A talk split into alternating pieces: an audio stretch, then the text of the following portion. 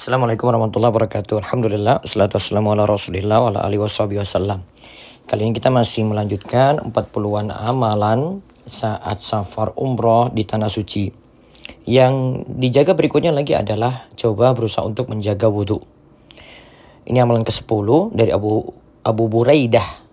Rasulullah Shallallahu Alaihi Wasallam di pagi hari memanggil Bilal lalu berkata, ya Bilal, Bima sabaqatani ilal jannati ma dakhaltul jannata qattun illa sami'tu khash khashataka amami. Dakhaltul bari hal jannah wa sami'tu khash khashataka amami. Wahai Bilal, kenapa engkau mendahuluiku masuk surga? Aku tidaklah masuk surga sama sekali melainkan aku mendengar suara sendalmu. Ingat suaranya ya. Suara sendalmu di hadapanku. Aku masuki surga di malam hari dan aku dengar suara sendalmu di hadapanku. Bilal menjawab, Ya Rasulullah, ma adzantu qattun illa sallaitu rak'ataini wa ma asabani had hadasun qattun illa tawaddatu indaha wa ra'aitu anna lillahi alayya rak'ataini. Wahai Rasulullah, aku biasa tidak meninggalkan sholat dua rakaat. Sholat dua rakaat sedikit pun. Setiap kali aku berhadas, aku lantas berwudu. Dan aku membebani diriku dengan sholat dua rakaat setelah itu.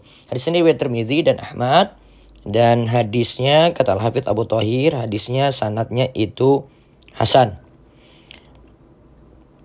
Syekh Abu Malik ya, dalam fikih sunalin nisa halaman 49 itu mengatakan bahwa disunahkan berwudu setiap kali wudu tersebut batal karena adanya hadas.